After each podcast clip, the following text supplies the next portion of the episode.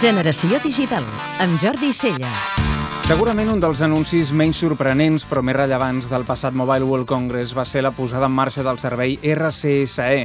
Feia mesos que el conegut com a G5 de les telecomunicacions europees, format per Telefònica, Orange, Vodafone, Deutsche Telekom i Telecom Italia havien posat l'esdeveniment de Barcelona com a l'objectiu per a la presentació d'aquest servei en actiu. Aquest estàndard, creat pel cos industrial de la GSM, ha estat batejat amb les inicials de Rich Communication Suite en East i es proposa com una gran esperança per part de les companyies de telecomunicacions de cara a no perdre el control del que passa a través dels seus dispositius mòbils amb el que es coneix com a comunicació IP.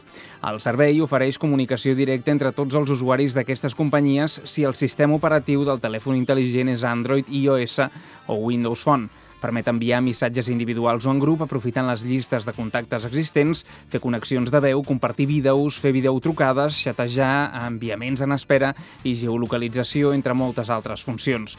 De totes maneres, per superar les implantadíssimes aplicacions com WhatsApp, Gtalk, Viber o Skype i companyia, farà falta un gran esforç perquè aquest servei sigui pràctic i realment útil. Segurament, la Carta de la Seguretat i la Privacitat jugarà un paper clau en l'èxit o el fracàs de la tecnologia RCSE. Segons les companyies de telecomunicacions, només fent servir un sistema estàndard validat per elles mateixes, els usuaris poden estar tranquils amb el que es fa amb les seves dades. L'any 2012 serà una cursa vida o mort per aquest nou estàndard de comunicació. A l'estat espanyol es posarà en marxa immediatament per part dels tres grans operadors majoritaris, Telefònica, Orange i Vodafone, però deixarà al marge els usuaris de les altres companyies de telefonia. Així doncs, d'entrada, sembla que no serà suficientment universal com per poder competir amb les actuals aplicacions.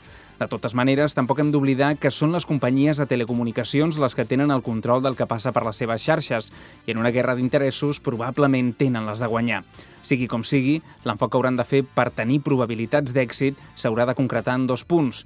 Oferir el servei RCS de forma que sigui percebut com a gratuït per part dels usuaris i assegurar que el sistema funciona perfectament en els nous dispositius, però sobretot en els dispositius que ja hi ha al mercat.